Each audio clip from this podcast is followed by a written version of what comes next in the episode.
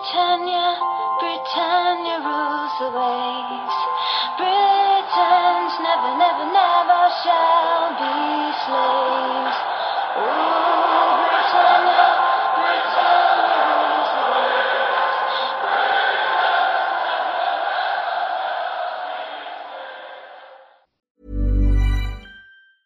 Hiring for your small business? If you're not looking for professionals on LinkedIn, you're looking in the wrong place. That's like looking for your car keys in a fish tank. LinkedIn helps you hire professionals you can't find anywhere else, even those who aren't actively searching for a new job but might be open to the perfect role. In a given month, over 70% of LinkedIn users don't even visit other leading job sites. So start looking in the right place. With LinkedIn, you can hire professionals like a professional. Post your free job on linkedin.com slash people today.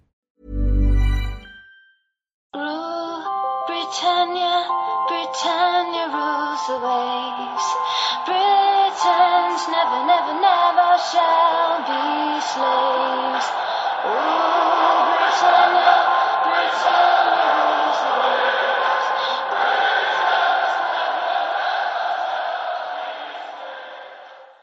Hej och välkomna till avsnitt 96 utav Svenska FPL-podden. Vi spelar in idag, tisdagen den 24 november och vi, agendan för idag kommer vara att vi först går igenom eh, alla lagen som spelade i Game Week 9. Vi blickar framåt mot Game Week 10 och eh, ser vilka spelare som kan vara av intresse. Vi eh, kommer med eh, veckans rekommendationer. Vi eh, har en kaptensdiskussion inför Game Week 10 och vi eh, avslutar med era lyssnarfrågor.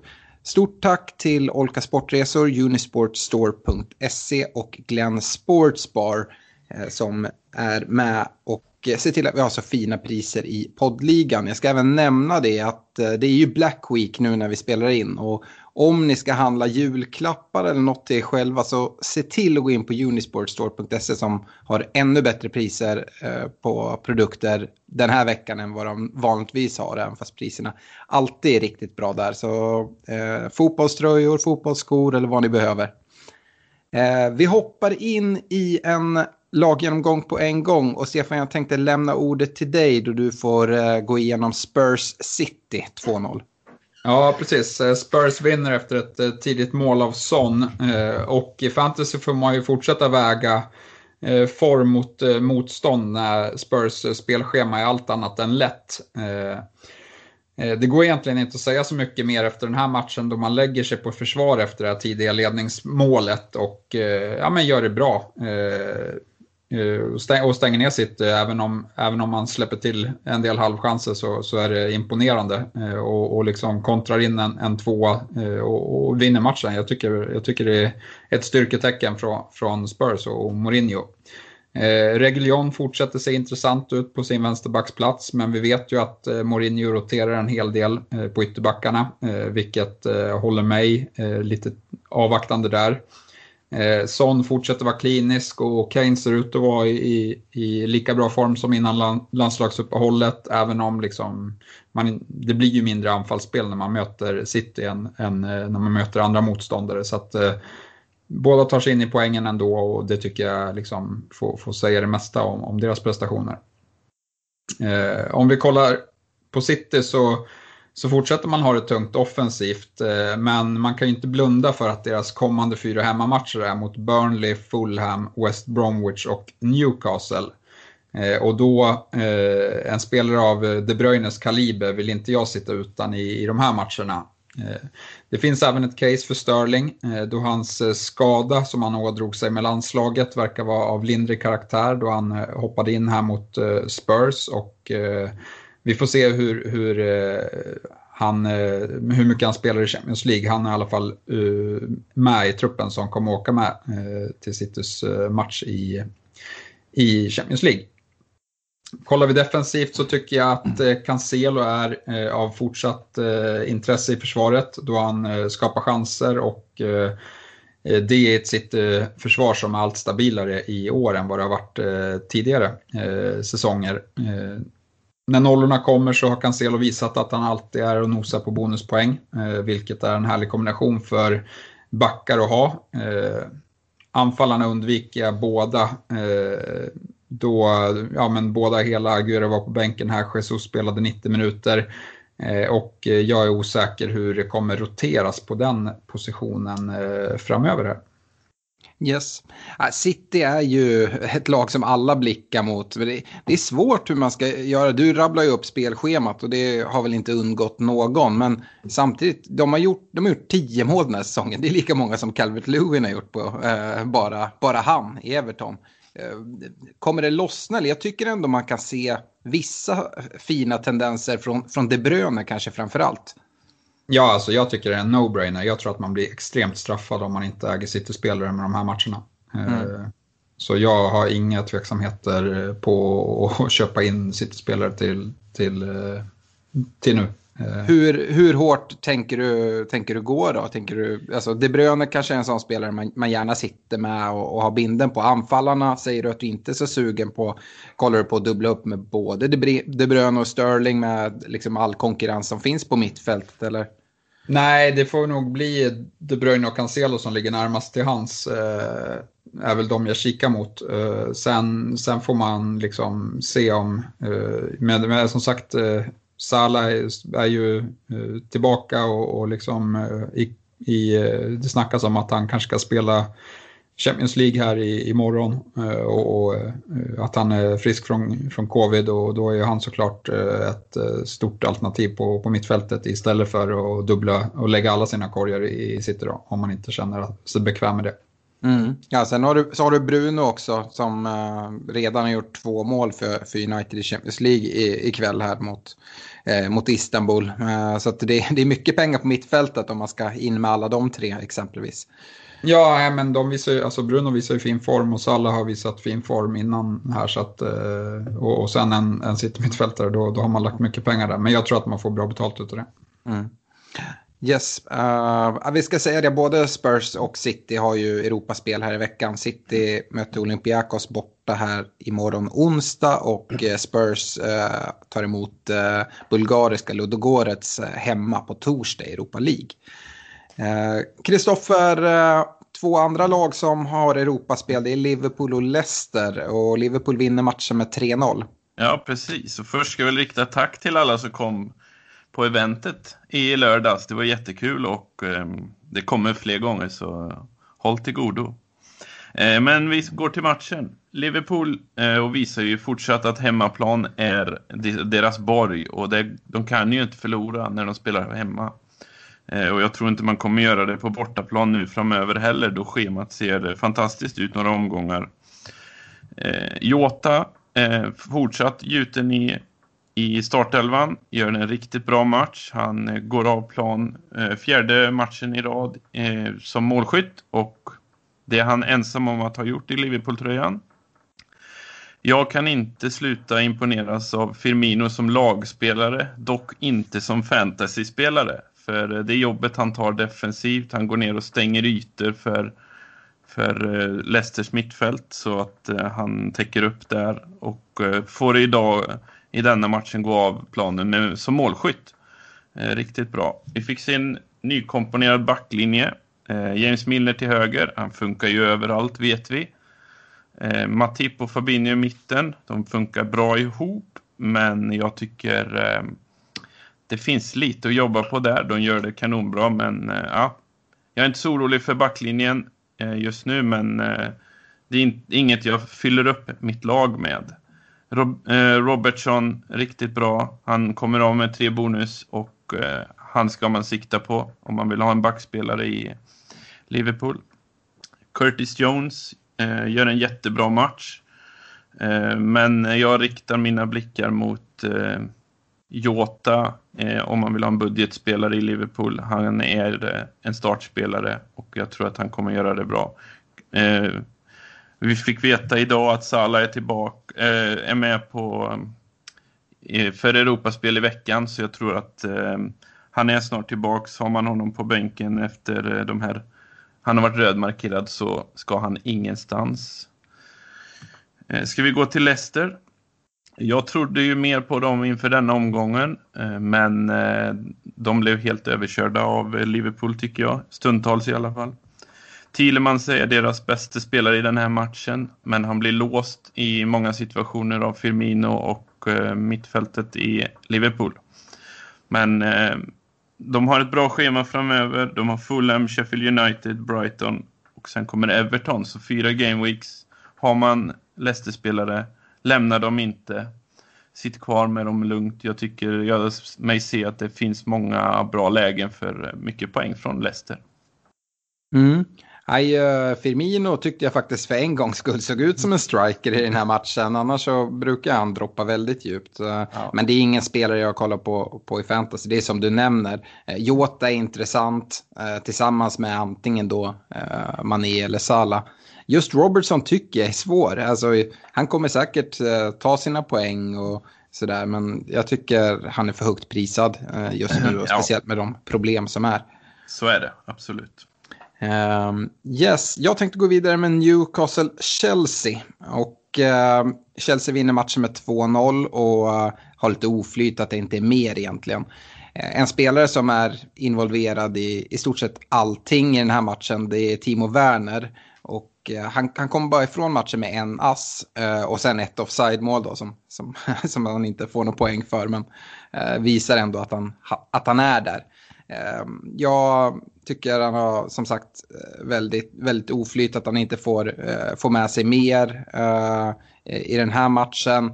Fortsatt Werner och Abraham verkar ha ett jättefint partnerskap och det ställer mig bara ännu mer frågande kring vad som händer när Pulisic väl är tillbaka.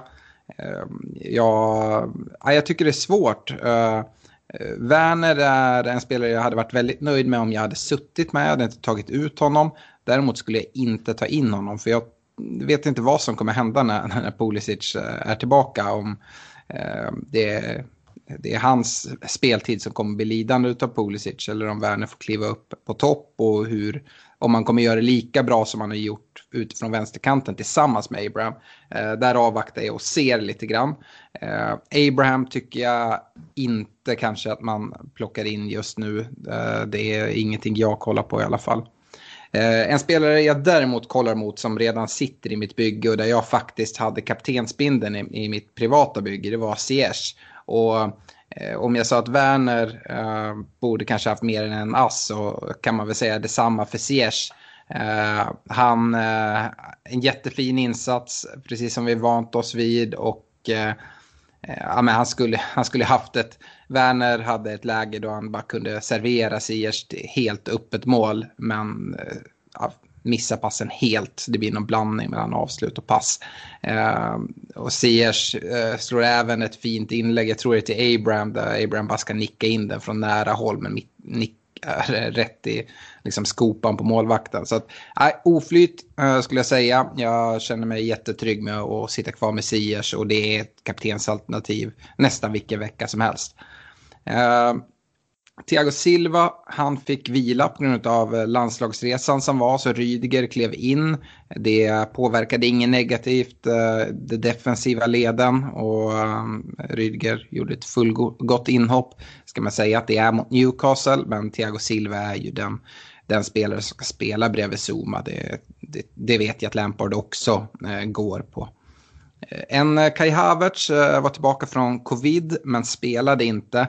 Eh, han satt på bänken idag i, ehm, i eh, segern mot, mot Rennes i Champions League. Fick ett eh, 15 minuters inhopp. Både han och Sears fick ett 15 minuters inhopp. Så välbehövlig vila för Sears där som bör vara utvilad till helgen. Vi kan även konstatera att Reece James vilades uh, i den matchen och Aspilicueta startade. Så sitter man med James så kommer han förmodligen starta här uh, i Premier League till helgen. Och eh, i och med vinsten mot Rennes så säkrar de avancemang från Champions League-gruppen här. Så att eh, det är alltid skönt och då kanske man kan gå runt på lite spelare. Det handlar väl till viss del att, att säkra, eh, säkra gruppsegen. Det står ju mellan dem och eh, Sevilla som jag tror de har samma poäng. Eh, men eh, eventuellt kan man, kan man vila lite i Champions nu med det tajta spelschemat och det är välkommet. Eh, Newcastle, ja jag vet, Stefan, du har ju väldigt mycket emot Newcastle. Och jag, jag kan, oavsett hur mycket jag vill prata upp Newcastle så, så, kan jag inte det.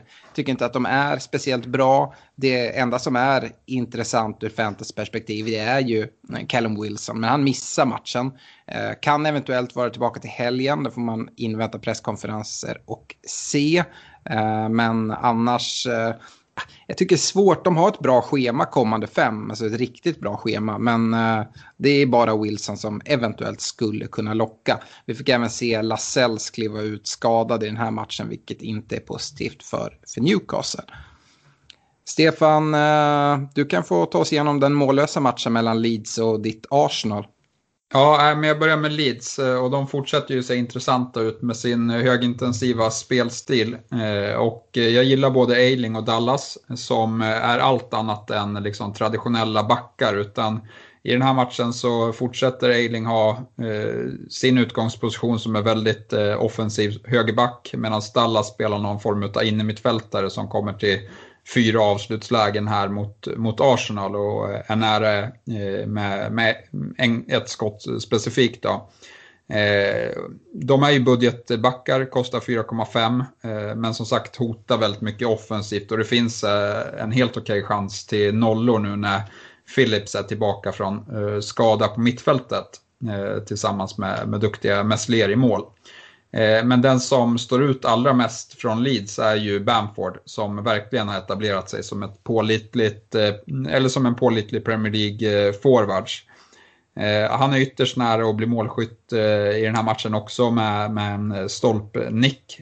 Och ja, som sagt, om, om några omgångar så, så vänder Leeds spelschema och jag tycker att de har bevisat ja, men att de kommer vara ett eh, lag för, eh, ja men de kan nog eh, liksom sluta på övre halvan. Eh, de kommer definitivt klara sig kvar i alla fall.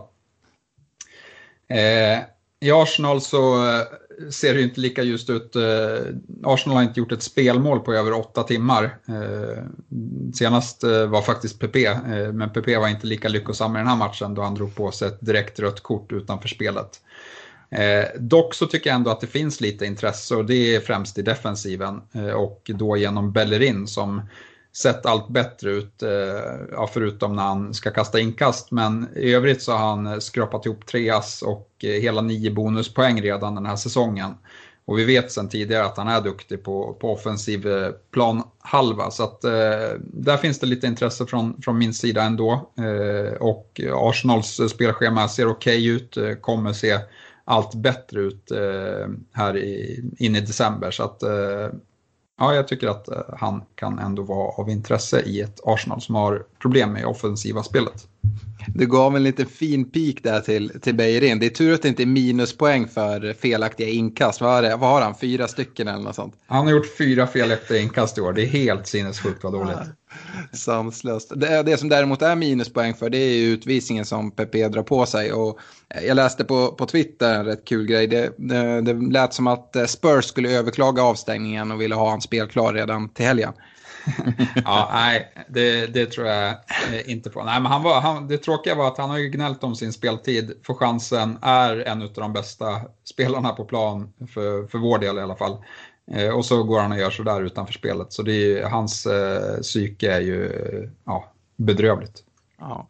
Eh, nej men eh, du var inne på det lite grann. Leeds tycker jag är svåra eh, defensivt. Ibland kan de bara stänga igen och sen så helt plötsligt så skeppar de liksom tre, tre kassar eh, och sådär. Men du var inne på det och det är någonting som jag också har sett. Philips inverkan på, på Leeds rent defensivt verkar ju vara väldigt monumental. Eh, att han är tillbaka nu, det, det gör väl som sagt, Philips är inte en spelare jag tar in i fantasy, men det, det höjer intresset för, för Ailing och, och Dallas exempelvis.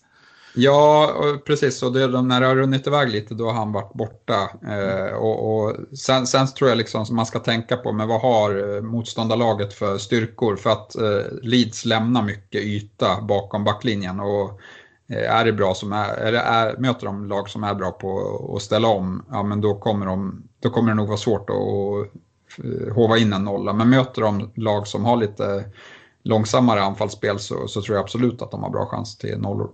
Mm. Eh, Arsenal har Europaspel eh, borta mot Molde här på torsdag men eh, vi förväntar väl oss ett roterat Arsenal där. Eh, Kristoffer, eh, Fulham-Everton, eh, målrik match 2-3. Ja, och ett Fulham som eh, ja, äntligen hittade målet. De fick även eh, se ytterligare en bränd straff och nu var det Cavaleiro som fick chansen och han gled och han gled och han gled. Bollen gick långt över. Eh, det är bara hem och träna på straffar. Scott Parker sa det.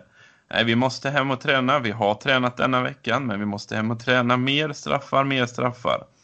Eh, det ser bättre ut, det gör det, men de har fortsatt svårt att eh, vinna matcher och man har ett riktigt tufft schema framöver. Så jag lyckas man få en poäng på närmsta fyra så ska man vara nöjd och lyckas man ta fyra poäng på närmsta åtta så ska man vara väldigt nöjd med det.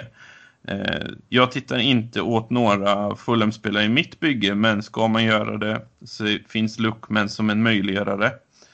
Den som hade störst inverkan i Fulham var ju Loftus Cheek när han kom in. Han tog tag i bollen och eh, pressade tillbaks eh, Everton eh, i stora delar eh, tillsammans med Mitrovic så eh, jag förstod inte riktigt varför de valde att eh, vila dem från början för de eh, gjorde stor inverkan på laget och eh, de kommer vara startspelare framöver. Tar vi Everton då som satte högt tempo från start. Richarlison var tillbaka och han var riktigt spelsugen. Tillsammans med Calvert Lewin så fortsätter de ju att mata in poäng. Calvert Lewin gör två mål. Eh, Richarlison eh, är ständigt eh, aktiv i eh, anfallen och eh, han, jag tror att ska man ha in någon differential så är han väldigt bra där. Han är lågt ägd och jag tror att han, ehm, han har stor inverkan på det här laget och det kanske man inte tänker utan man tänker på James och Digné som bra spelare men Richarlison absolut. Digné gör det fortsatt bra. Man sitter upp ett nytt spelsystem som är mer likt 3-4-3 där man puttar in Chamez lite mer centralt. Då kommer han inte riktigt till sin rätt tycker jag. Jag tycker han ska hålla sig lite mer till höger. Men det funkar inte riktigt utan Coleman bakom sig. Så det var väl ett sätt för eh, eh, Ancelotti att eh, byta ut kanten spelet och få in Iwobi som gör det riktigt bra där. Eh, men eh, schemat är bra i två matcher till. Sen blir det lite tuffare. Har man inte fyllt på laget med två spelare i Everton så eh, vet jag inte riktigt om man ska vara försiktig. Calvert Lewin kan sitta kvar men stoppa inte in för många tycker jag. Nej, eh, om vi börjar eh, Fulham där, det är som du sa, de har tufft spelschema. Kollar man kommande tre så är det Leicester, City och Liverpool. Eh, och det är väl många som kollar liksom kaptensval där. Liksom. Ja, Vardy, sen har vi De Bruyne, sen har vi Salah. Och lite, jag tror inte det är helt ovanligt att man gör det. Så Fulham kommer ha det tufft. Eh, vad, vad säger du där? Vem, vem tar nästa straff i Fulham? Eh, jag vet inte, den som har säkrat skottfot just nu är nästan Areola. Så jag vet inte om jag ska skicka in, skulle skickat in honom. Men jag, jag har svårt att se någon annan än Mitrovic. För nu måste han få igång målskyttet om han ska kunna rädda dem här, tror jag. Ja, Luckman får väl aldrig nämna, närma sig en straffpunkt straff, uh, igen. Nej, men Mitrovic tror jag är den som uh, kommer få den. Han, mm. ja, han har psyket för det också, så att det, jag lägger mina ägg i hans korg. Ja, eh, jag var inne på det när vi, när vi pratade City och att de inte hade gjort så många mål. Men Calvert Lewin leder ju ensam eh, skytteligan nu på, på tio gjorda. Det är ju faktiskt ett, mel, ett mål mer än både Arsenal och, och Wolves har mäktat med under den här säsongen. Väldigt imponerande. Men, men Stefan, jag vet att eh, eh ja, men off, off mic så hörde du av dig till mig gällande Digné. Han såg ju väldigt spännande ut här och de spelade med, med wingbacks i, i den här matchen som något som verkligen gynnar, gynnar honom. Har du något att säga om, om Digné? Han ser ju väldigt fin ut. Ja, han ser fin ut, men jag tycker Kristoffer var inne på rätt analys, att liksom snart vänder spelschemat till det sämre. Eh, och eh, jag tror att det är mer av en behållen eh, att byta in. Ja, ja, man sitter jättefint med honom, men jag håller med dig. Jag tycker att det är lite för sent, för sent att byta in. Calvert Lewin däremot, ja, men det är en spelare man, man faktiskt även med vändande spelschema kan, kan hoppa på eh, nu, även fast han har stigit i värde så tycker jag att det finns, eh, det finns inga tendenser som visar på att han ska, ska sluta göra mål. Det, det är väl egentligen så, så jag ser på, på Everton. Ancelottis specialträning på Calvert Lewin har gett enorm effekt den här säsongen. Så det, nej, han, mm. han sitter gott i mm. lagen. Ja, och sen är du inne på en jättebra sak där, hur viktig eh, Richarlison är för, för det här laget och kanske Calvert Lewin eh, till stor del också. Det är viktigt att, att han är, är åter i spel. Ja. Eh, jag ska prata Manchester United-West Bromwich, en eh, krampaktig match som United vinner med 1-0. Eh, lite turlig första hemmaseger på, på Old Trafford tycker jag. Och turlig med den anledningen av straffsituationerna. Eh, jag tycker att eh, ja, det är Bruno som, som gör vinnande målet på straff. Uh, han får slå om den för han missar första. Uh, dock helt korrekt. Det är inte turligt tycker jag inte. Uh, däremot att West Bromwich som skulle haft en straff tidigare som domaren till och med blåste för. Den, den tar han av någon anledning bort efter att ha kollat på situationen på, i efterhand. jag förstår inte riktigt varför. Så mer att det är det turliga. Och som sagt, det är turligt såklart, de som sitter med Fernandes, han får slå om straffen, det är dock korrekt och i övrigt så är ju Fernandes riktigt, riktigt bra. Han, han borde komma iväg med ännu mer poäng. Ehm, han eh, sex skapade chanser i matchen, varav två riktigt stora chanser. Han har fyra egna attempts och eh, uh, Fernandes är den spelare man ska ha i, ehm, i fantasy. Nu, eh, nu gör han två mål här på en halvlek i, i Champions League, på, hemma på Old Trafford. Jag har ju varit, varit på att prata om det, att hemma så har Eh, har United haft det svårt men kanske framförallt Bruno har haft svårt att, att producera samma poäng som han gör på bortaplan. Men eh, fördelen med Bruno är ju att även när United ser lite halvsjaskiga ut, eh, men, och, och, han också, så kommer ju poängen trilla in.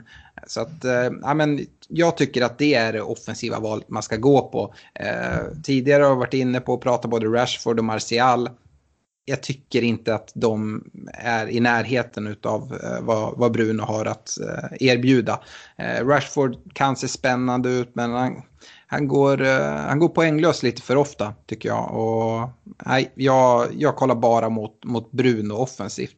Defensivt däremot, nu är det två hållna nollor och bara två insläppta de senaste fyra gameweeksen. Och man skulle kunna fylla på, det är svårt att hitta Eh, bra försvarsspelare eh, har, vi, har vi varit inne på tidigare. Eh, man kan kolla mot eh, eh eller, eller Telles som nu, Telles spelar ju när, när Shaw är borta. Däremot vet jag inte, vi får väl se om eh, Telles kan göra den där platsen till sin. Jag tycker Shaw har varit eh, väldigt utskälld men kanske gjort det ändå rätt okej. Okay. Jag tror inte det är helt säkert att Telles kommer starta match efter match efter match. Det kommer Wambisaka göra. Men eh, jag skulle vilja kasta in en outsider om man vill gå på United-försvarare och, och eh, slänga in Maguire i den mixen. Eh, Maguire är faktiskt eh, den försvarare i, i ligan som har kommit till allra flest eh, eh attempts med sina 13 attempts. Så då får man lägga in att United dessutom har en match mindre spelade än, än väldigt många.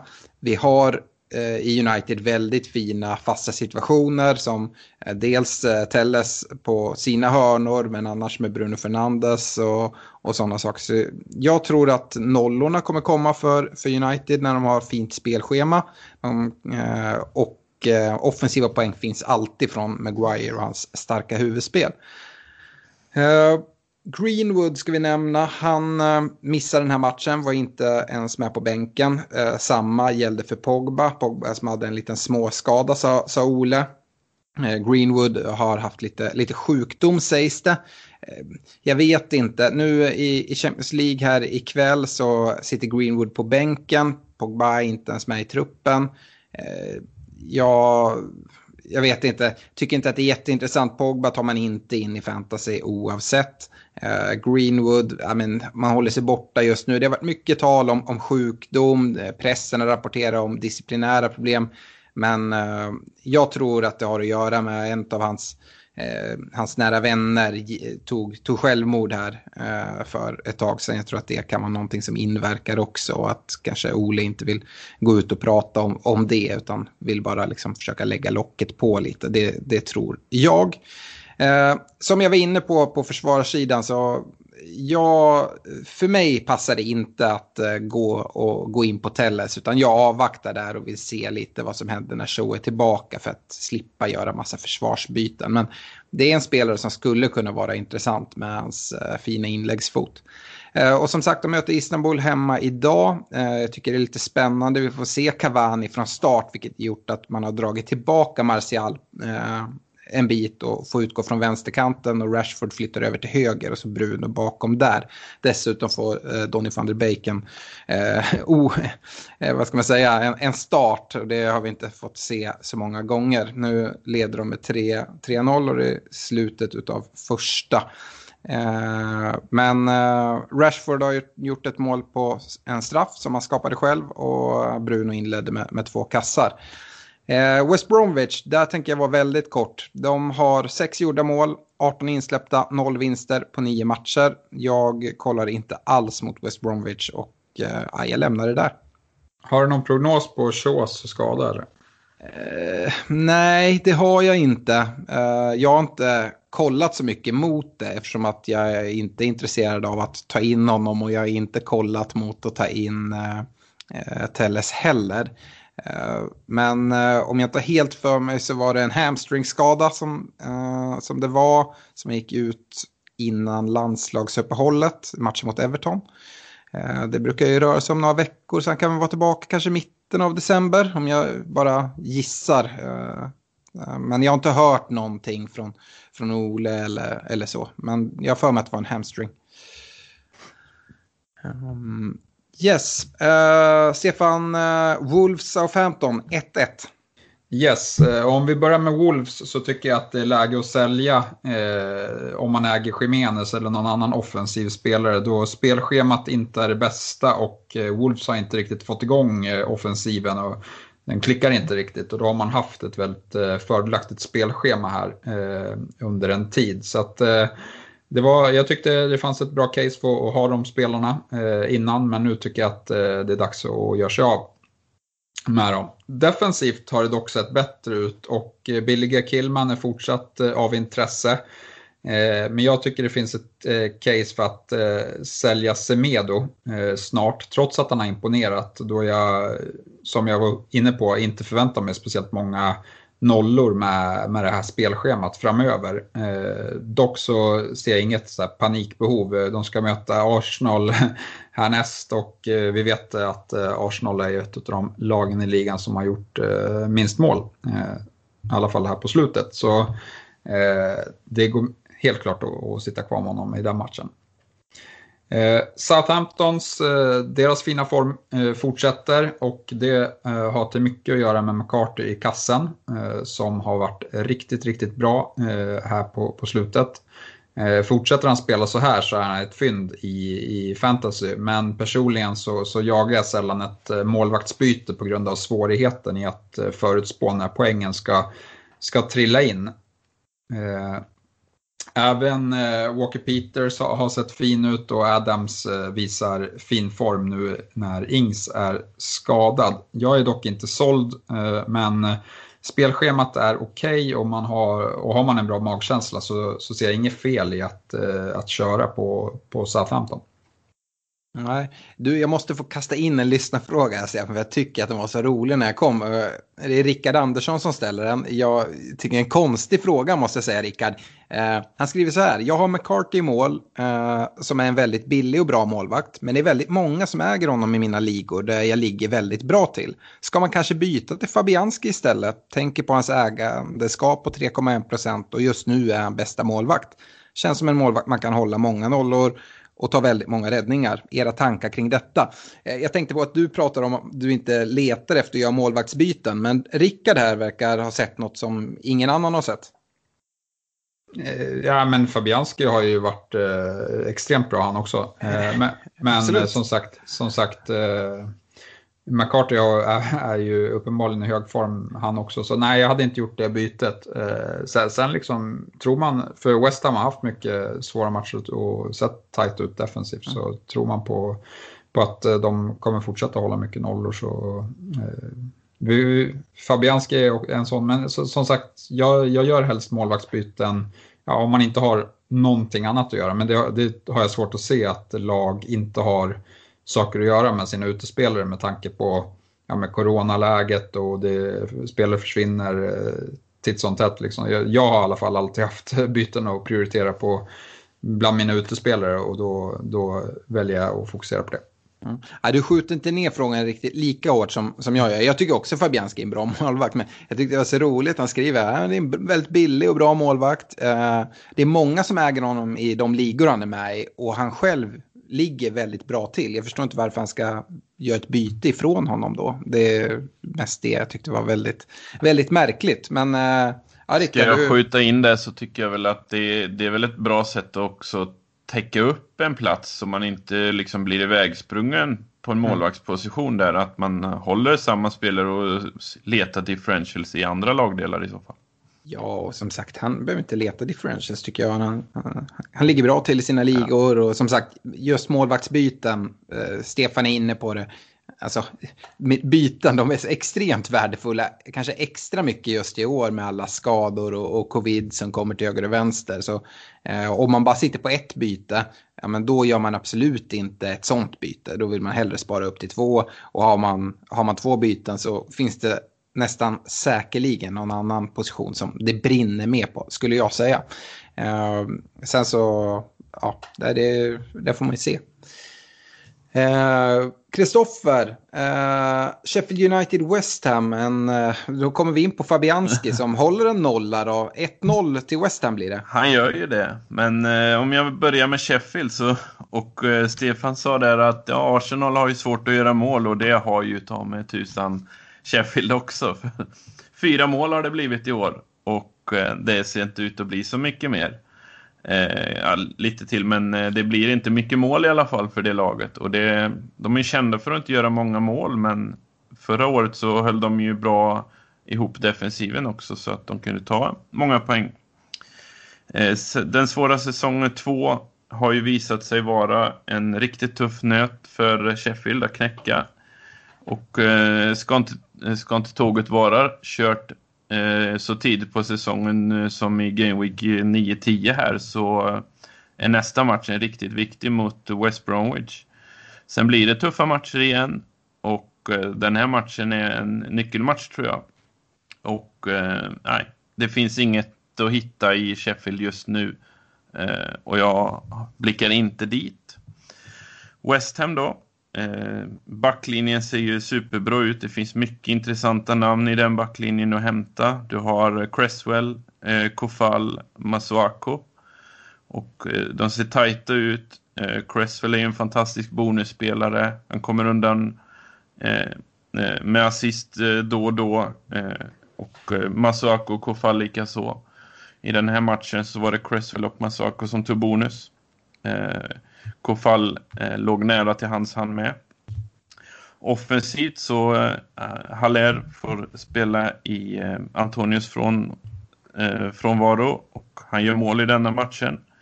Men eh, jag tror snart är Antonio tillbaka och då är det han som är första eh, spelare där. Och eh, då så Haller är inget man siktar in sig på för att ha in i laget. Men eh, schemat ser eh, ser okej okay ut. Inga liksom jättesvåra, det är inga jättedåliga matcher. Villa, eh, Manchester United här, härnäst. Sen kommer det två lite lättare i Leeds och Crystal Palace. Man kan eh, mycket väl störa både Villa och United tror jag med den eh, bra, det bra spelet de har visat upp. Eh, så att eh, släpp inte era, era eh, West Ham-spelare om ni har dem.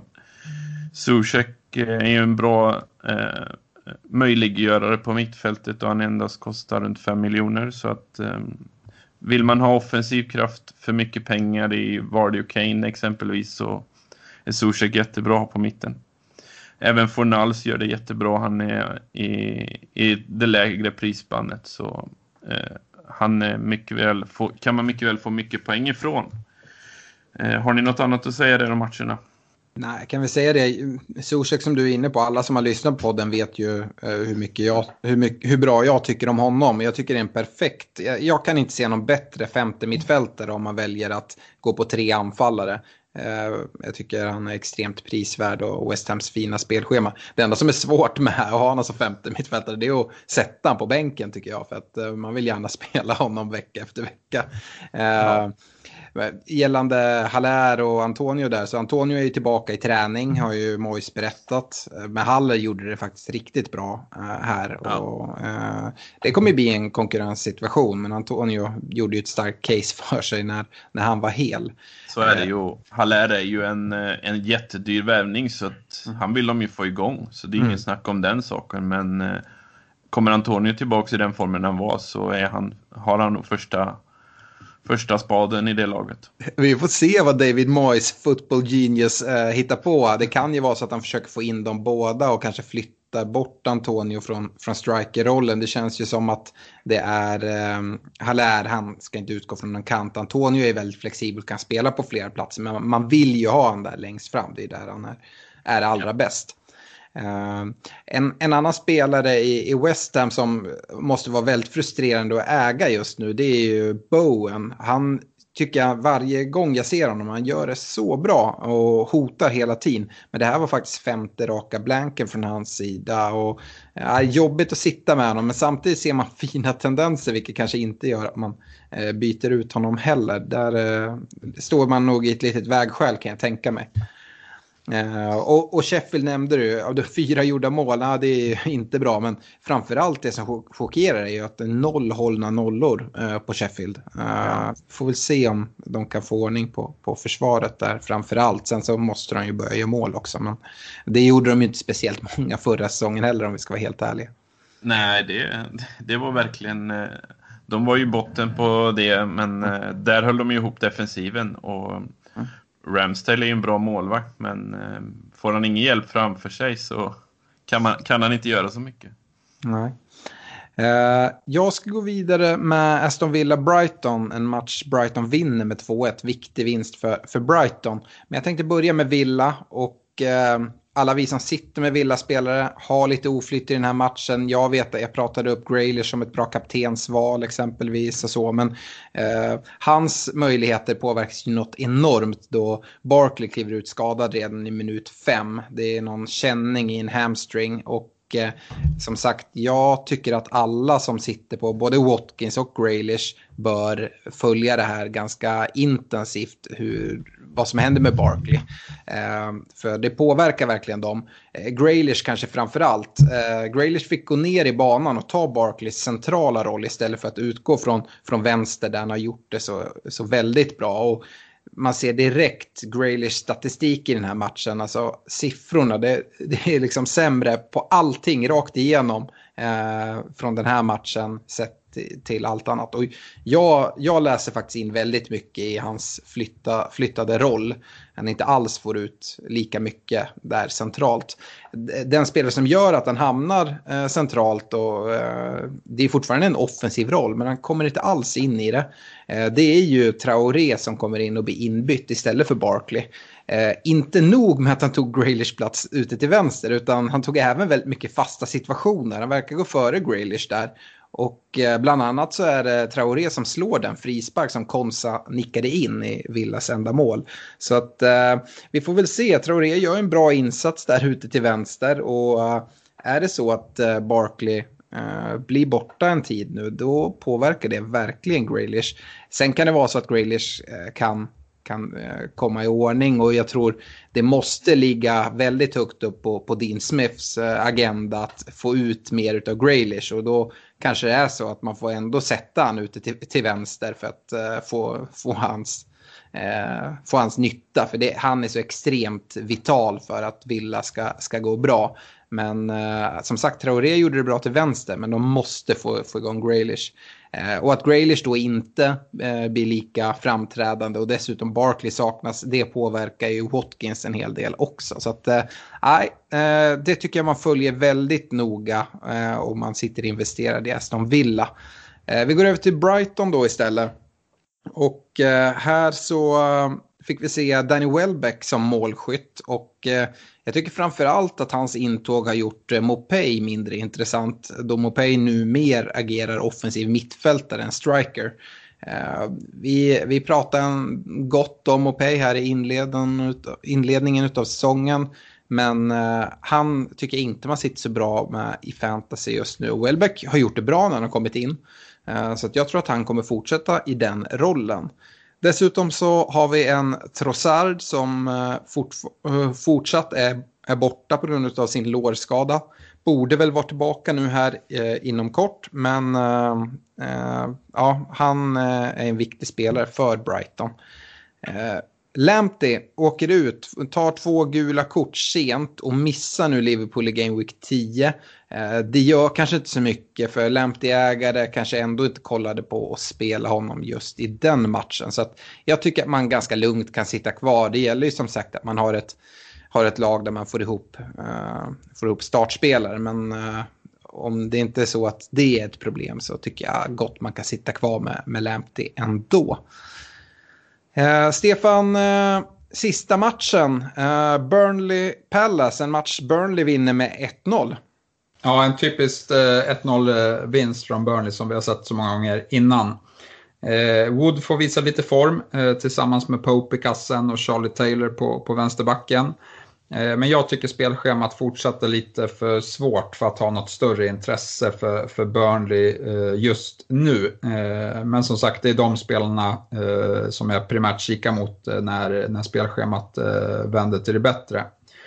Eh, I Palace del så, så, är jag enbart intresserad av en spelare och det är Zaha. Eh, dessvärre för, hon, för de som äger honom så, så har han ju dragit på sig eh, corona här och eh, självisolerar just nu. Eh, missar eh, den här matchen och troligtvis även eh, nästa hemmamatch mot, eh, mot Newcastle. Då.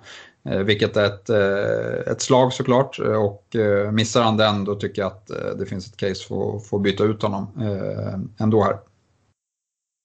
Ja, verkligen. Sa är ju den mest intressanta spelaren. Jag vet, jag vet, att det ställer till det en hel del för ditt privata lag. Du, du hade Lamptey där som, som uh, första bänkspelare och så hade du i stort sett räknat hem att ah, men han kommer jag inte behöva använda. Det är bara Zaha jag har kvar här. Och så missar han jävla oflyt alltså. Ja, Lamptey satt ju tvåa på bänken men jag hade ju, också. hade ju Sala och eh, Sal, Sa, Sala var ju planerat dock ja. men, men eh, Sa var ju inte det. Eh, så det var lite otur. Ja. Eh, det var, var matchgenomgången och eh, vi ska gå in i rekommendationerna. Och eh, vi börjar i försvarsleden. Eh, förra veckan, jag vill inte ändra jättemycket. Jag hade ju Chilwell, Kofall och eh, Kurt Zuma. Jag eh, har gjort så att Chilwell och Kofall sitter kvar. Jag tycker de ser jättefina ut. Sen om man har eh, Kofall eller om man har Cresswell eller vem det är. Det är ganska eh, hugget som stucket. Kofall är lite billigare än Cresswell. Det är därför jag tog honom här. Har man pengar och eh, pytsa in på Cresswell istället så, så tycker jag man kan göra det för att han ser ju fin ut. Men eh, jag har gått på det billigare alternativet just i detta fall. Eh, Zuma får därför eh, får ändå stryka på foten nu eftersom man sitter där med Chilwell, eller bör göra tycker jag. Eh, så behöver man kanske inte dubbla upp eh, försvarsleden där. Däremot är det ett perfekt läge att hoppa på Cancelo uh, i, i City. Jättefint spelschema och uh, ja, men, uh, lite av en differential. Ägs bara av 3,2 procent just nu. Jag tror att det kommer öka en hel del. Chansen till nollor kommer vara superstor. Stefan, du gick igenom spelschemat för City. Eh, jag tror att det kommer vara en hel del nollor och eh, dessutom tror jag att vi kommer se offensiva poäng från Cancelo. Och här är jag beredd att ta en chansning även om det kan vara så att vi får se att han vilas någon match nu när Mendy kommer tillbaka. Men jag tror att Cancelo han spelar kanske minst tre utav fyra Premier League-matcher och ja, då är han absolut värd att ha i, i det här spelschemat. Uh, Stefan, du är också med mig på Chilwell, du har Cresswell istället för Kofall och sen så har du Lamptey då som drog på sig två gula. Ja, och då blir ju Lamptey den som får stryka på foten. Chilwell och Cresswell är jag nöjda med. Jag tycker man ska fortsatt eh, sitta där. Men som sagt, jag är inne på ditt spår också att alla utav de här West Ham-backarna funkar egentligen. Cresswell är den som har störst offensiv potential bland dem, men, men som sagt, man vet inte där. Eh, sen har jag också hoppat på Cancelo. Eh, ja, vi har ju pratat gott om honom eh, några, några veckor här i podden och nu tycker jag absolut att det är ett bra läge. Jag tycker han ser jättefin ut. Mm. På mittfältet, Stefan, då har du Graylish, Ziyech och Bruno. Det är ju tre fina spelare, men är du något orolig för Graylish som jag var inne på här på, på Villa? Ja, nej, Graylish får, vi vet inte, alltså så här, det är uppenbarligen när man har, när det sker en skada under match och liksom man får eh, kasta om så, så är det inte optimala förberedelser. Eh, vi får se vad, vad Villa hittar på eh, framöver. Eh, men som sagt, jag är orolig där. Eh, och eh, samtidigt så tycker jag att eh, de andra eh, är så fina med, med Fernandes och Ziyech. och jag vill ha in Kevin De Bruyne. Så att därav får Graylish stryka på foten. Men, men som sagt, jag tycker att det är för tidigt att byta ut honom i fantasy baserat på en, en match här. Mm. Ja, jag håller helt med. Eh, jag har ju Graylish i mina rekommendationer tillsammans med, med, med Bruno. Eh, eh, nej, med, med Ziyech och, och Zaha. Eh, men jag har också gjort så. Jag, jag, håller med dig. Jag tycker inte att det är läge att ta ut honom. Eh, men eh, Alltså jag, jag har ändå satt han lite inom parentes för att det finns så bra alternativ. Jag hade eh, Graylish, Ziyech och Saha förra veckan. Eh, mm. Saha stryker jag och det jag, hade jag gjort oavsett covid eller inte. Men nu finns det liksom ingen anledning. Eh, och Kevin De Bruyne ska in. Eh, så det, det är givet. Sen har jag faktiskt tagit bort Graylish då, eh, till fördel för, för Bruno. Eh, precis som, som du har i, i ditt bygge. Men ehm, Uh, som sagt, jag har Graylish i mitt lag. Jag kommer inte byta ut honom. Jag kommer få in... Uh, jag kommer ha Graylish, Bruno, Ziyech och De Bruyne i, i mitt lag. Uh, jag har hittat lösning för det. så, men jag tycker att Graylish situation är värd att, att bevaka sett till att vad som händer med dels Barkley, hur länge han blir borta, men kanske framförallt sen hur Graylish roll kommer att se ut.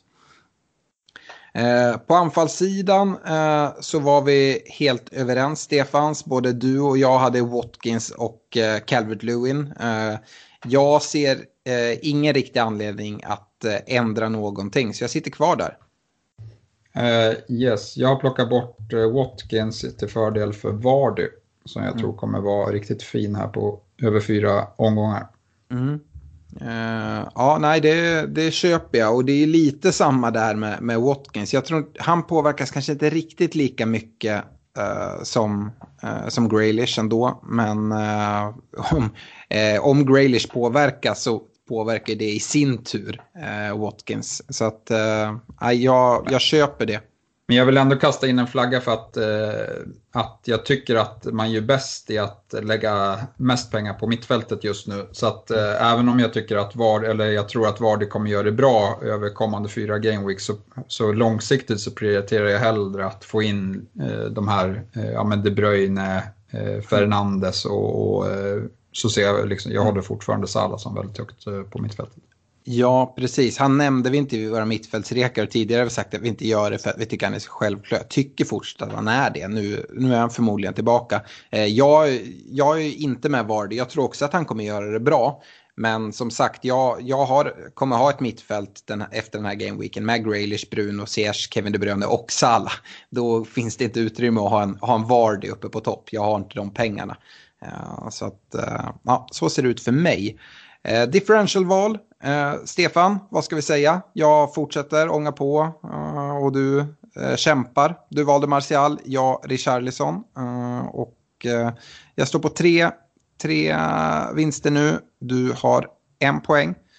Eh, nu inför Game Week 10 så eh, du, du sa att du var ganska säker på vem jag, vem jag skulle ta och att, eftersom jag har första valet och att du därför skulle förlora. Men jag vet inte, jag har redan nämnt han. Det är Cancelo som ägs av 32 procent. Det kanske går lite safe. Det finns ju flera City-alternativ och jag eh, anar att du kanske blickar mot ett annat City-alternativ. Det gör jag. Jag tar Raheem Sterling. Mm. Ägs av 4,6 procent. Jajamän. Uh, vi har även en Sergio Aguero som ägs av 1,3 procent som jag lockades en hel del av. Men jag känner, jag känner mig tryggare med att Cancelo kommer starta den här matchen än uh, faktiskt uh, både Sterling och Aguero. Sterling har ju varit en spelare som faktiskt har, har vilats ganska ofta mot, mot, mot lag som Burnley. Uh, så att, ja, jag hoppas lite på, på något sånt. Uh, men, uh, och dessutom tror jag att Burnley, Burnley kommer inte göra mål mot City, jag tror inte det. Däremot så kan de göra, alltså stänga till det för ett City som inte har presterat allt för bra. Ska jag offensivt. gå emot er då? Ska ja. jag gå emot er då och Ja, antingen, jag har ju ett val i, i City, ett tredje val i City om jag vill, men jag lämnar den pucken och eh, tar Richarlison på 4,2 procent. Ja, äh, Richarlison han äh, hade ju jag den här veckan och ja. tog en vinsten med. Ja, både, jag, båda, ja. jag tar in han nu. Mm. Jag hade både Aguero och Richarlison på min lista. Jag var rätt säker på att du skulle ta Sterling där. Ja, okej. Okay. Ja, nej, som sagt, jag, jag tror att eh, sex poängen på Cancelo, den är nästan odiskutabel. Eh, och sen så tror jag att det finns hyfsat goda chanser till att de, om City gör poäng framåt så kan Cancelo ställa till det med också. Ferran Torres på 1,3 procent är ju spännande. Han, ja. han visar god form. Ja, men det är som sagt det är startplatser där och jag tror att Cancelo är säkrast av alla de här City-spelarna vi har, vi har nämnt nu. Så är det. Uh, yes, vi ska gå till en kaptensdiskussion. Uh, och uh, vi kanske får anledning till att återkomma till City då.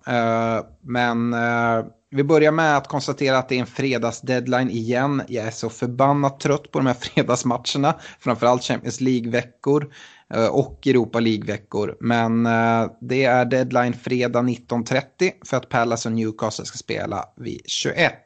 Så missa inte den deadlinen. Jag kollar i alla fall inte på en kapten från Palace eller Newcastle. Men eh, det finns många andra alternativ. Ska vi börja med City Burnley eftersom att vi har pratat väldigt mycket City nu. Eh, och för mig är det i alla fall, nu var inte det ett aktuellt eh, differential-val, men går man på City tycker jag att De Bruyne är den spelare man vänder sig mot. Vad, vad säger du Stefan? Ja, men jag håller med. Eh, det har ju redan kommit rapporter om att han vilas eh, från eh, Champions League också. Vi får, vi får ju såklart följa upp om det ligger någonting, liksom, vi har ju corona här som, som härjar så vi får ju följa upp det så att det inte kommer fram att han har corona. Men, men om det handlar om en, en ren vila så är det ju bara positivt för han har spelat väldigt mycket både i City och landslaget så att han, han kommer definitivt ha nytta av den vilan. Mm. Ja, Kevin De Bruyne är en av de bästa kaptenerna den här eh, gameweeken skulle du säga. Ja, alltså nej, det finns, jag tycker det finns många bra. Jag, jag tror väldigt mycket på Vardy eh, mm. mot Fulham. Eh, jag kommer inte äga honom så det är inget, inte aktuellt för mig. Eh, men, eh, men som sagt, eh, där, jag lägger mycket pengar på att han, han gör mål mot Fulham. och sen har vi även Salah som mot, mot Brighton. Eh, och vi har sett att Brighton gärna liksom spelar sitt spel och, och det, kan, det kan verkligen straffa sig mot, mot ett lag som Liverpool. Mm. Uh, om jag ska gå in och vara lite alltså, djävul, djävulens advokat och prata emot dem. Jag tycker att båda är bra kaptensalternativ. Vardy kollar jag framförallt mot uh, där ett tag. Jag hade velat haft han. Jag ska säga så här, jag hade hellre satt binden på Vardy i matchen mot Liverpool. Nu var det tur att jag inte hade honom och, och gjorde det. Än en match hemma mot Fulham. Eh, Fulham, absolut, de, de, är inte bra på att försvara. Men jag tror att de kommer ligga väldigt lågt borta mot Leicester. Och Vardy är en spelare för mig som jag tror, ja, utöver straffarna, så är det mål på, på omställningar och det, det passar bättre i, i storlagsmöten. Jag är inte alls säker på att eh, Vardy kommer vräka in mål mot ett Fulham och det är mål man, man ska ha från Vardy för att det är ingen assistspelare. Eh, säger du emot här? Nej, jag, alltså, man såg under förra säsongen att uh, han gjorde väldigt mycket mål mot sämre motstånd nu under Rodgers. Så det tycker jag att uh, han har förbättrat. Men, men ja, visst, det, men jag, jag tror hårt på honom faktiskt. Mm. Jag eh, hade ju Vardy som kapten mot Liverpool och det gick ju inte så bra. Nej. Men så att jag, jag lutar åt att sitta kvar med den binden faktiskt. Ja. Men där får man, jag tycker Liverpool gjorde en extremt bra match mot, mm. uh, mot Leicester och samtidigt ja. tycker jag att, att Vardy hotade ändå. Uh, det, det gjorde han. Det fanns uh, liksom, tendenser. Jag tycker inte att det var en dålig insats av Vardy, så jag hade inte kollat för mycket på att han inte presterade mot, mot Liverpool. Nej. Eller haft det så mycket i beräkningen i alla fall. Nej. Jag, jag, jag skulle inte sätta binden på Vardy. Jag tycker att Kevin De Bruyne är ett mycket bättre val uh, som kan leverera poäng både assist uh, och uh, med, med mål och hemma mot Burnley sådär. Eh, Sala tycker jag också är intressant. Det enda som oroar lite grann det är vad, vad, så, vad, kom, vad det kommer innebära det här att han har varit borta så länge. Han brukar vilja spela väldigt mycket men det skulle ju kunna vara så att Eh, att Klopp ändå liksom vill matcha innan li lite grann efter att ha varit borta ett tag. Eh, skulle kunna börja på bänken, skulle kunna få... Eh, för det, egentligen finns det ju ingen anledning att, att kasta in honom. Liverpool spelar svinbra mot, mot Leicester. Jota går jättebra, Firmino går jättebra, Mané går jättebra. Det är klart man kan spela med alla fyra, det har han visat tidigare. Men eh, ja, nej, ja, vissa frågetecken där. Kan Jota vara ett alternativ för kaptensbindel? Jag tycker inte det. Uh, vad, vad, säger du, Stefan? Jag, alltså, jag tycker Jota gör det jättebra, men det är samma där. Om det är så att uh, Salah kommer tillbaka, kan det vara så att Jota då inleder på, på bänk och att uh, Salah kanske får, får 60-70 och så ett planerat byte då Jota kommer in? Så skulle det kunna vara. Ja. Ja, nej, men Jota, Jota, du var inne på det. Jota har ju det rekordet han har slagit att han gjort eh, fyra raka mål på Anfield eh, som debutant och det är först i klubbens historia. Eh, men han har gjort alla sina mål på hemmaplan. Så där kanske det finns också något, någonting i den statistiken även om det har varit eh, liksom få antal matcher att bedöma på. Och sen, men sen är jag också inne på det där, det, är osäkerhet i Liverpool vad, vad som händer. Jag vet att Klopp in, inte verkar helt nöjd och har godkänt att Salah åkte iväg på hans brorsas bröllop här. Eh, och det var ju där han fick corona eh, med största sannolikhet. Så att, eh, eh, vi får se här, men, men eh, vi har ju Champions League att kolla på i, i veckan och se hur de ställer upp och, och så. Alltså det, det, är helt sjukt där. Det var hans brorsas bröllop, jag förstår att han åker på det, men det var ju ett bröllop för typ så 800 pers eller något sånt läste jag. Läste jag. Och, alltså Salah i Egypten, alltså han är ju Alltså, vad Zlatan är i Sverige, det är liksom eh, det är upphöjt i hur många gånger som helst. Han, han avdyrkas ju där. Så han, han, har väl hånglat med, med halva stället och de har kramats och det har varit liksom. Eh, det är klart att det är där coronan kommer ifrån. Um, du var inne på det gällande borta hemma. Får man uh, bolla upp en Bruno som nu ska spela borta och det är där han gör det allra bäst. De möter SA-15 ja, jag tror väl kanske att SA-15 har lärt sig att inte spela med den här superhöga backlinjen. Men eh, ja, Bruno är en spelare som tar poäng hela tiden och det blir ju tvåsiffrigt varje gång han spelar borta.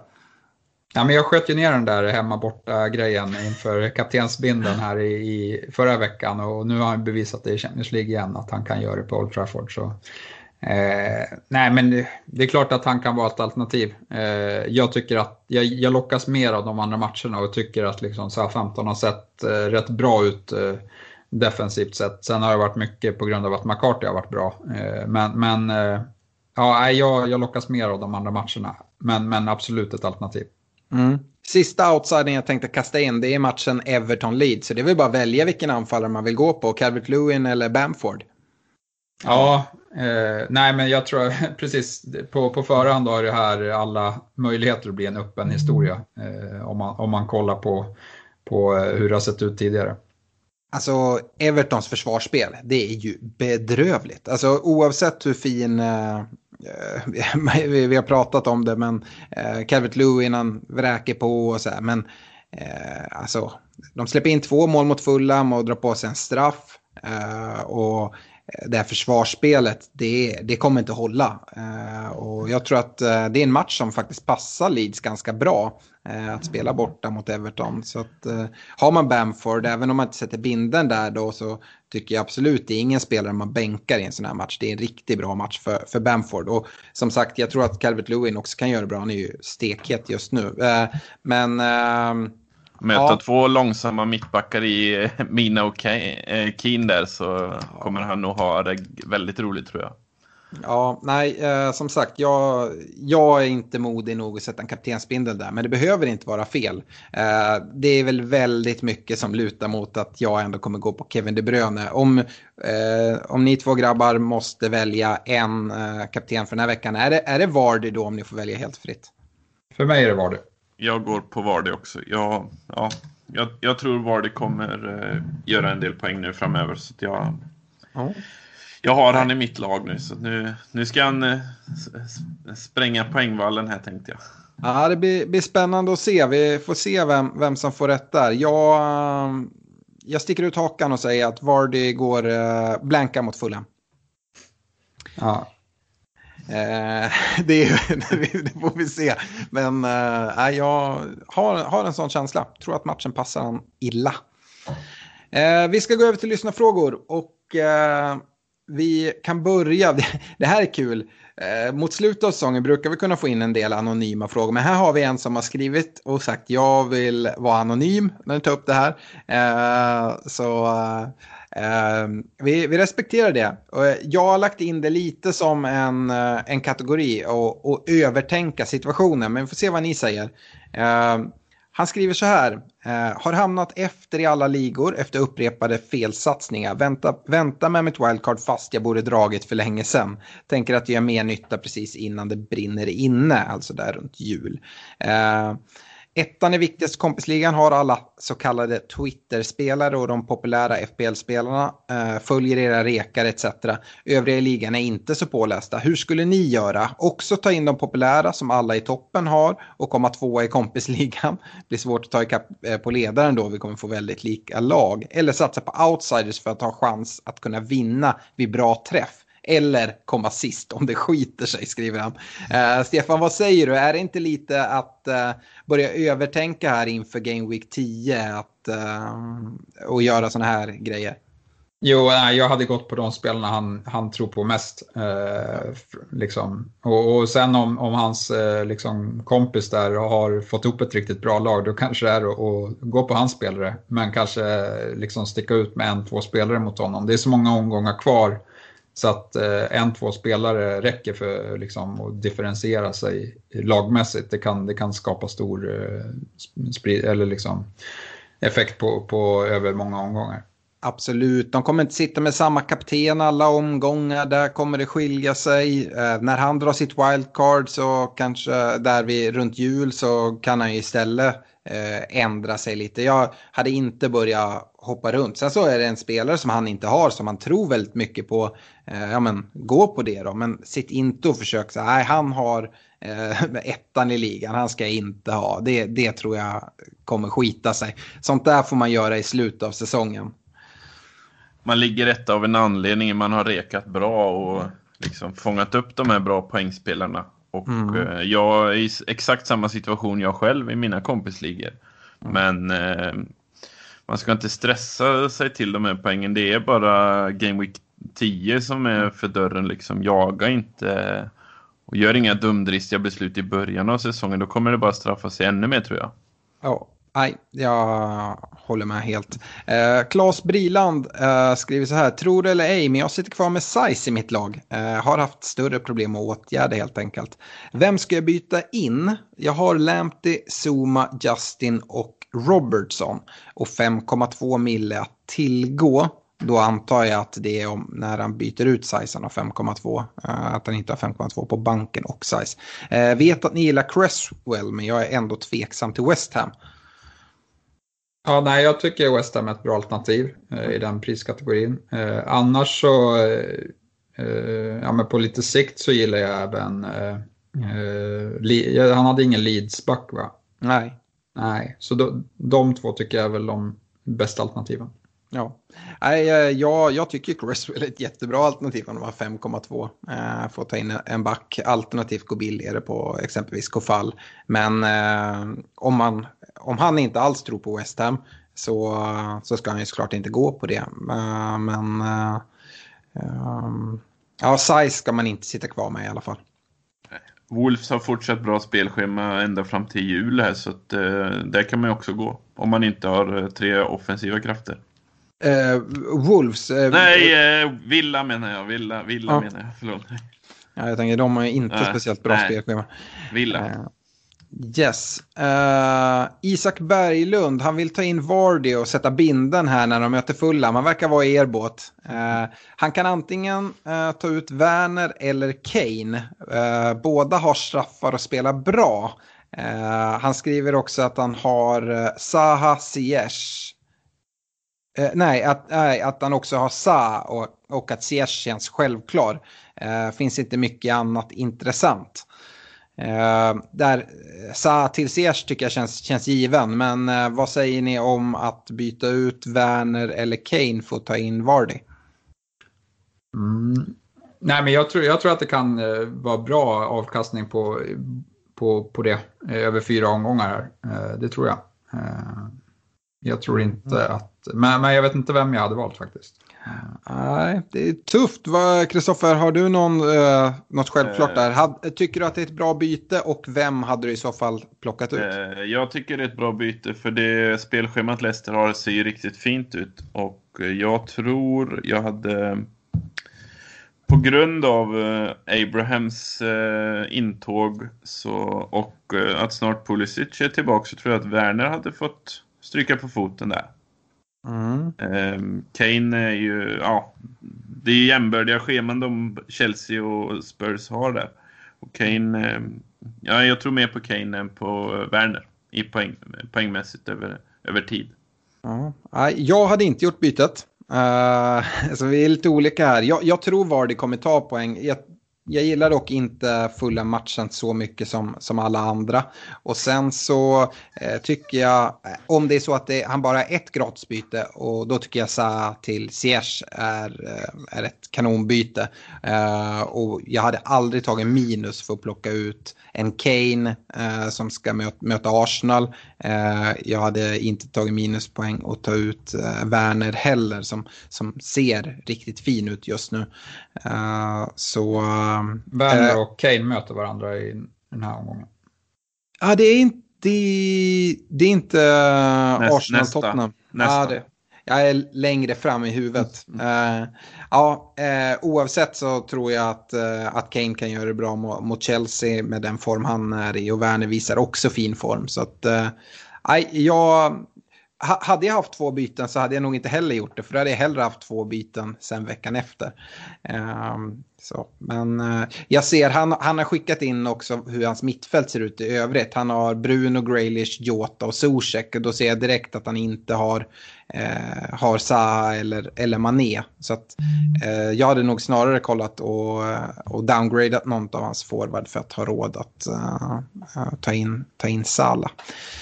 Eh, Chris Carlson, eh, han skriver att de har haft styrelsemöte med laget eh, och att han får sitta kvar som manager med nöd och näppe. Eh, men han kommer agera. Det kommer bli minst minus åtta. Han måste skeppa iväg spelare som Mopay, Bowen och Mitchell. Min fråga är eh, Vardy, Kevin De Bruyne, Bruno eller Sala. Vem tar ni som kapten? Och vi har väl pratat kaptens eh, där, men vilka spelare av de här premiumalternativen är är viktigast att bygga, bygga laget kring? Eh, tycker du Stefan? Kevin De Bruyne är mitt prio ett eh, just nu. Eh, Och jag har varit inne på det här tidigare att Eh, det var något avsnitt sen då jag och Kristoffer pratade om kaptensrotation. Jag tycker att man bör sitta med en premium mittfältare i Salah eller Mané i Liverpool och Kevin De Bruyne för att det kommer vara mycket bindlar där. Eh, Kan man även få in Bruno så tycker jag att det, det skadar inte. Jag vet att det är mycket pengar upp, uppbundet i mittfältet men eh, där, eh, där sitter jag. Pratar vi kaptensval så ni har väl båda sagt Vardy men eh, för min del så är det Kevin De Bruyne den här veckan.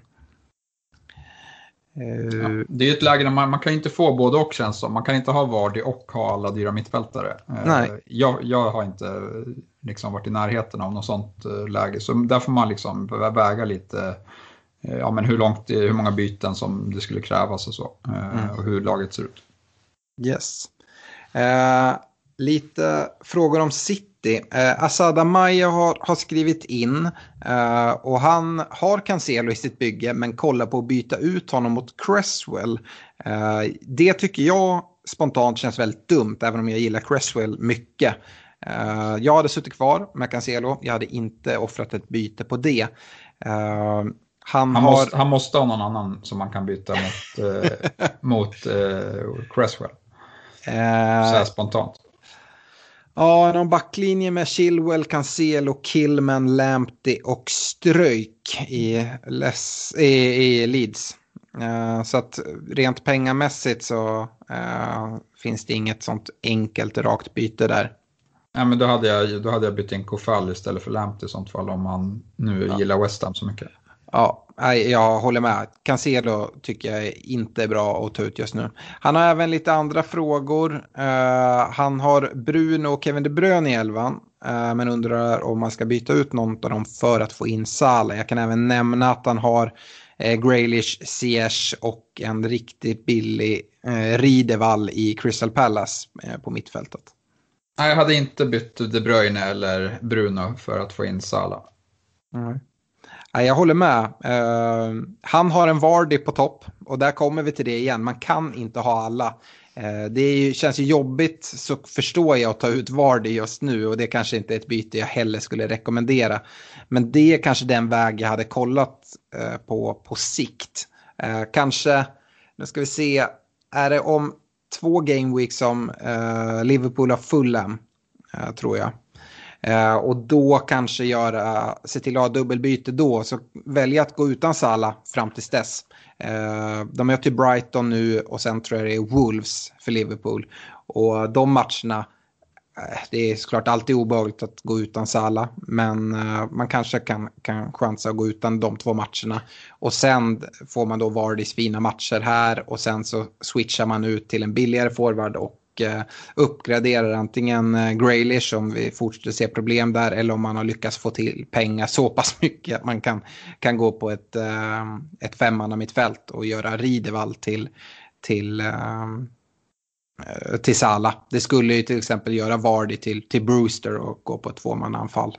Kunna vara ett alternativ för. Så hade nog jag gjort. Ja, jag instämmer. Eh, Robert Jonsson undrar om det är värt att ta eh, fyra minus för att ta ut Semedo mot Cancelo. Det är inte, behöver inte vara fel, men hur ser laget ut i övrigt? Ser du det? Nej, det vet vi inte. Uh, men så, eh, det är alltid svårt med minus fyra tycker jag. Ja. Wolves ja, defensiv har ju inte varit den bästa, men eh, schemat är ju, och schemat är tufft nu framöver. Så det behöver inte vara fel. Jag hade inte tagit minus uh, fyra. Nej, uh, jag tvekar också på den. Uh, alltså, alltså med, Semedo har sett bra ut offensivt och Wolves har inte släppt till jättemycket chanser och Arsenal som de ska möta har skapat väldigt, väldigt lite. Nej. Wolves har släppt in tio mål den här mm. säsongen. Arsenal mm. har gjort nio. Mm. Så alltså chans till nollan borta mot Arsenal, det är ändå hyfsat stor skulle jag säga till Wolves. Uh, så inför den här omgången, sen så, så, om frågan är ställd så här, vem vill du helst ha idag, Semedo eller Cancelo, då tycker det är jätteenkelt. Men eh, minus fyra byte, mm, jag vet inte om jag hade gjort det. Nej men det kan slå väldigt fel för att eh, Semedo skulle kunna gör, liksom matcha Cancelo eh, och då slår det fel. Och liksom, jag, man, jag tror inte man ska förvänta sig mer än sex poäng från Cancelo i, i någon match egentligen. Nej, det ska man inte. Uh, Carl Kviding, vi fortsätter med City. Han undrar om eh, uh, Agüero kommer slå straffarna när han är på planen eller är det Kevin De Bruyne som blivit första straffskytt? Vi kan väl uh, lägga till där att Kevin De Bruyne sköt ju utanför i straffen de fick mot Liverpool. Uh, är det någon av er som känner att ni har en jätteklar känsla här? Om vi börjar med dig Kristoffer. Nej, jag skulle inte säga att hans eh, straffroll är inte klar även om vi vet att han är bra på det. Så det kan mycket väl vara KDB eller ehm, eh, Mares har ju blandats in där också. Jag såg någon lista. Här Gündogan. Gündogan också ja. Så det finns många alternativ och jag Nej, är det, är det straffläggare man ska jaga så ska man inte jaga det i city för där kan det snurra ordentligt. Vad säger du Stefan, har du någon känsla? Nej, jag tror det är väldigt svårt. Det är alltid svårt när någon har missat vad, man, vad människan har för förtroende och hur han vill agera. Eh, jag hoppas såklart att De Bruyne får eh, en chans till, eh, men man vet aldrig. Jag, jag har någon känsla av att Pep lite har överlåtit det här till, till spelarna själva att liksom göra upp om det är liksom De Bruyne eller Agüero eller vem det är som ska ta dem. Så, men det kan ju såklart vara helt fel, men det är den känsla jag har. Eh, jag har ingen aning. Blir det straff så är det bara liksom att och, och, och, kika. Men äh, jag, skulle säga att det är 50-50. Jag, jag är ingen som jag tror är mer trolig. Hade De Bruyne satt det mot Liverpool då tror jag han hade varit självskriven som fortsatt straffskytt. Jag tror inte att han är självskriven att han inte slår den heller nu, men aj, jättesvårt. Eh, Robin Sör undrar, eh, bästa bytet? Eh, Sala eh, mot Sterling eller Jota in mot Barkley? Eh, Jota mot Barkley. Mm. Uh, så, jag kan bara instämma där. Jag, jag tittar mot ett liknande byte. Så att... Ja. Uh, och då, han har Sterling, ska jag säga. Det kanske var lite oklart. Uh, och i så fall då skulle plocka in Sala. För han skriver det, jag har haft Sterling länge och väntat på explosionen som aldrig kommer. det känns ju jobbigt att byta ut Sterling just nu dock, kan jag tycka. Jag hade inte bytt ut Sterling. Jag hade inte, mm. alltså det känns som så här, ja men så jag hade inte gjort bytet tvärtom heller, utan mm. jag hade gjort det andra bytet. Ja. Uh, yes, uh, Fredrik Norrström skriver och konstaterar precis som vi alla att det är en galen säsong där gamla sanningar utmanas. Trent och De Bruyne som var cementerade i elvan innan säsongen känns nu inte alls lika viktiga att ha. Uh, jag, jag skulle vilja sätta mig emot och säga att Kevin De Bruyne tror jag kan liksom verkligen bita en i arslet att sitta utan. Men frågan som Fredrik ställer sig är om det är för sent att hoppa på Jota-tåget. Nej, absolut inte. Eh, han har ju, alltså, det är inte speciellt många som äger honom och han är väldigt, väldigt billig. Så fortsätter han leverera som han har gjort så är det inte för sent. Nej, Nej jag, jag håller med. Det, det kan man absolut göra. Eh, sen så har vi lite... Men hans, hans roll är inte helt given skulle jag säga. Nej, det är den inte. Eh, jag, jag skulle jättegärna sitta med Jota i mitt lag, men som sagt, jag tycker mittfältsrollen är så extremt tajt mellan. Det finns sjukt många bra alternativ. Eh, så att Jota har inte plats där eh, för mig just nu. Nu har jag gått på premium mittfältet. Då lite wildcard-frågor. Eh, Tobias Bengtsson Lishy skriver hur gör ni med Sala? Eh, ett alltför offensivt lagt Brighton kan få det blodigt mot ett formstarkt Liverpool. Tror nog att Sala är tillbaka. Sitter just nu med wildcard på Kevin De Bruyne och Bruno, Ziyech och Kun, Agüero och Werner. Man kan alltid vara efterklok men en normal dag gör Werner tre i förra matchen, skriver han. Eh, ja, jag hade inte gått på Agüero där för att eh, när Jesus har spelat i år har han sett riktigt fin ut. Eh, och eh, jag är inte alls säker på att Agüero bara går in och tar den platsen även om han är hel. Nej. Och som sagt, det finns ju så många billiga anfallare som, som levererar bra. Eh, Bamford till exempel är en spelare som jag tycker absolut man kan ta in. Och gör man Agüero till Bamford då har man ju plötsligt ganska mycket pengar. Kanske man kan få in en Sala eh, i det där laget och kunna sitta med De Bruyne och Bruno och Sala. Eh, tillsammans med Ziyech. Alltså, det vattnas i munnen. Jag, jag kollar på det själv. Men då har man alltså eh, fyra mittfältare från eh, fyra olika eh, tilltänkta topplag där man kan sätta binden när de har bra matcher eller vad man har, vad man har för feeling. Jag tycker det lockar väldigt, väldigt mycket. Och även om man inte sätter binden där så har man fått täcka de andra som har en kaptensbindel där. Och även att gå från äh, Agüero till äh, Calvert Lewin är ju, det är mycket pengar sparat där också. Mm, absolut. Alltså, eftersom man har wildcard så det har vi, jag föredrar att ha Salah, eh, De Bruyne och eh, eh, Bruno på mm. mitten. Och då blir yes. det billigt anfall såklart. Ja, då får man gå utan er kapten Vardy den här omgången då. Ja, exakt. eh, ja, men, Joakim Karl skriver också att han har dragit sitt wildcard och undrar om man ska gå på Jota på mittfältet eller satsa på Cancelo, en billigare mittfältare. Ja, det är svårt att säga. Jag har inte laget i övrigt framför mig. Eh, ja, då skulle jag eh, nog ja, behålla Cancelo och gå ner på Zuzek från eh, Jota då. Mm. I så fall. Man ja, ska hålla sig jag. billigare. Ja. ja jag, gillar Cancelo väldigt mycket. Gör jag. Ja. Och jag är inte uh, helt säker på att Jota kommer starta varenda match. Nej. Uh, sen så har vi ju alltid de här Kane och Son-frågorna. Uh, uh, Johan Engström skriver så här. Ja, det här är ju inte alls Keyneson. Vi kan ta den här i alla fall. Johan Engström eh, bytte ut Sala mot Mané förra veckan. Sitter med Mané och Kevin De Bruyne nu. Om Sala ska in, ja, vem, vem ska ut?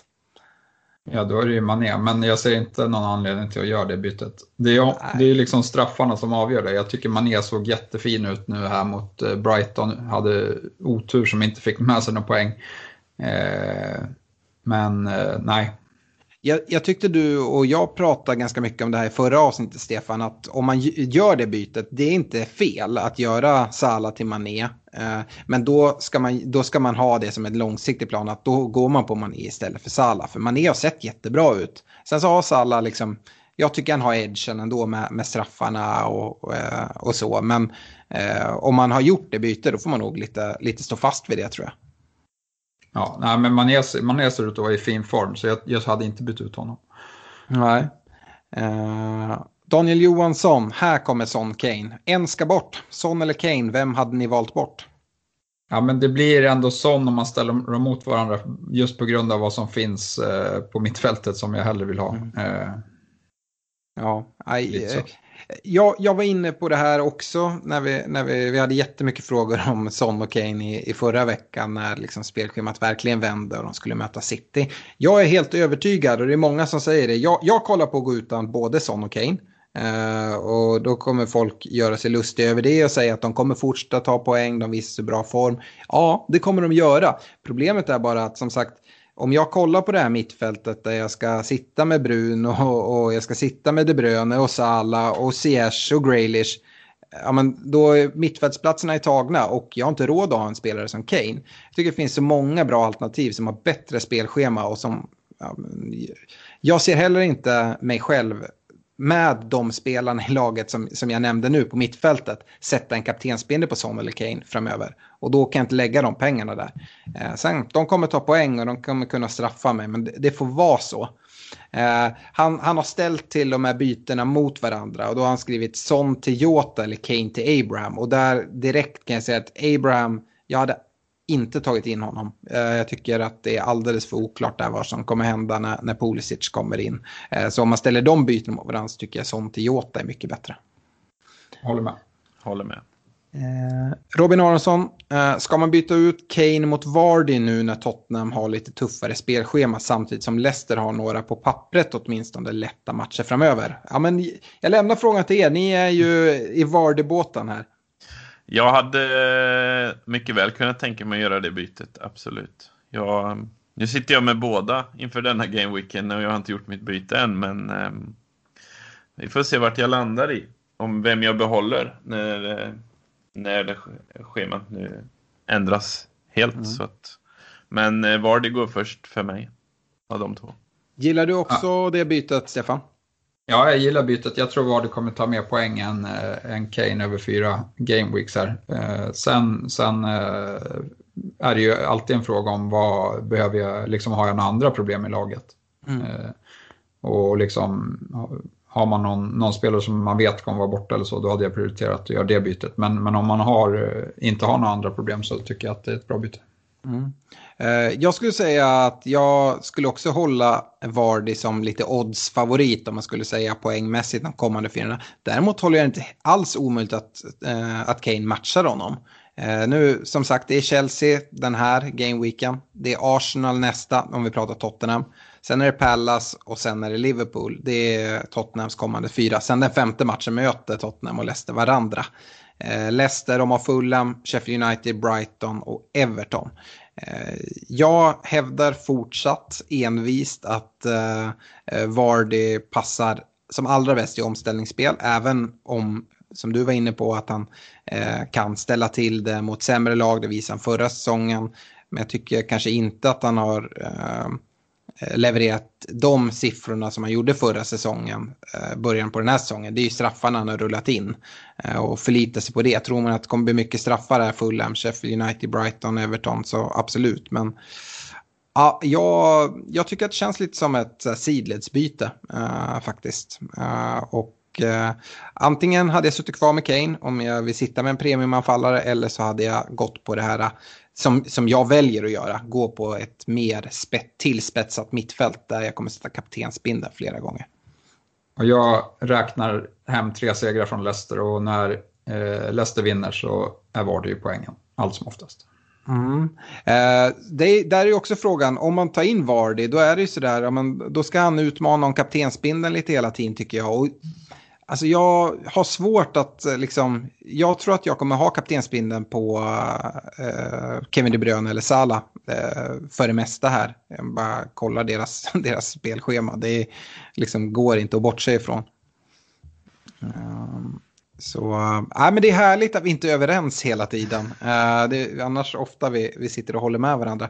Men vi kanske ska avsluta där och sen så får vi på något sätt göra någon notering. Äh, jag tror jag ska försöka skriva ner det så får vi följa upp hur det går i matchen äh, Kane-Vardy. Jag, som sagt, jag tror att Vardy mycket väl kan, äh, kan slå, slå Kane men äh, jag håller det inte som någon självklarhet. Eh, stort tack för att ni har lyssnat. Nu så tackar vi för oss och eh, är åter om en vecka. Och eh, ja, ha det bra tills dess och glöm inte att göra era byten nu med fredags deadline denna vecka. Ha det bra! Ha det bra! Ha det bra!